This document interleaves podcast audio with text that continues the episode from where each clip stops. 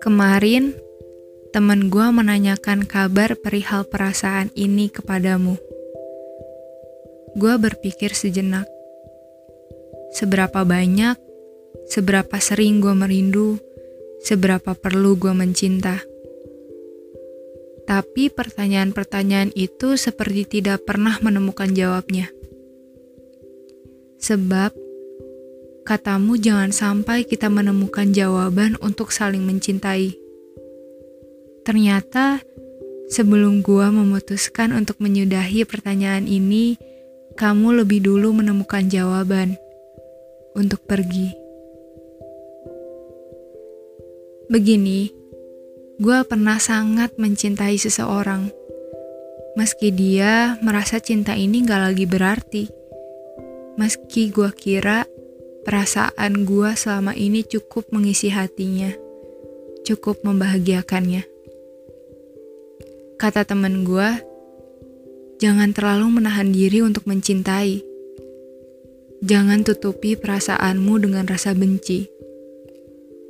Gua cuma bisa terdiam, menimbang-nimbang apakah perasaan ini benar adanya atau hanya keinginan ego semata.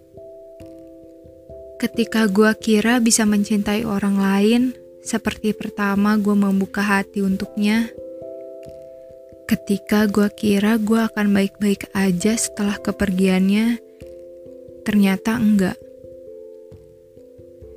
Dan baru gue sadari bahwa ya, kita nggak akan pernah ngerasa dicintai kalau kita nggak cinta sama diri sendiri. Seiring berjalannya waktu, gue jadi paham bahwa tanpa dia gue bisa baik-baik aja. Bahwa kebahagiaan yang gue kira cuma ada di dia ternyata gak bener.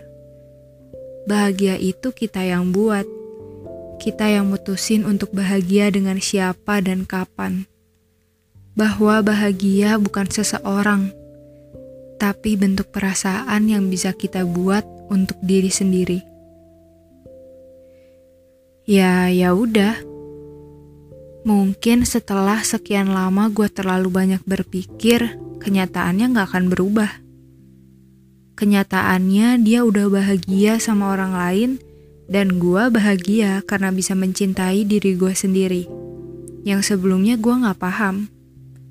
Yang sebelumnya gue kira bahagia gue ada di orang lain, yaitu dia.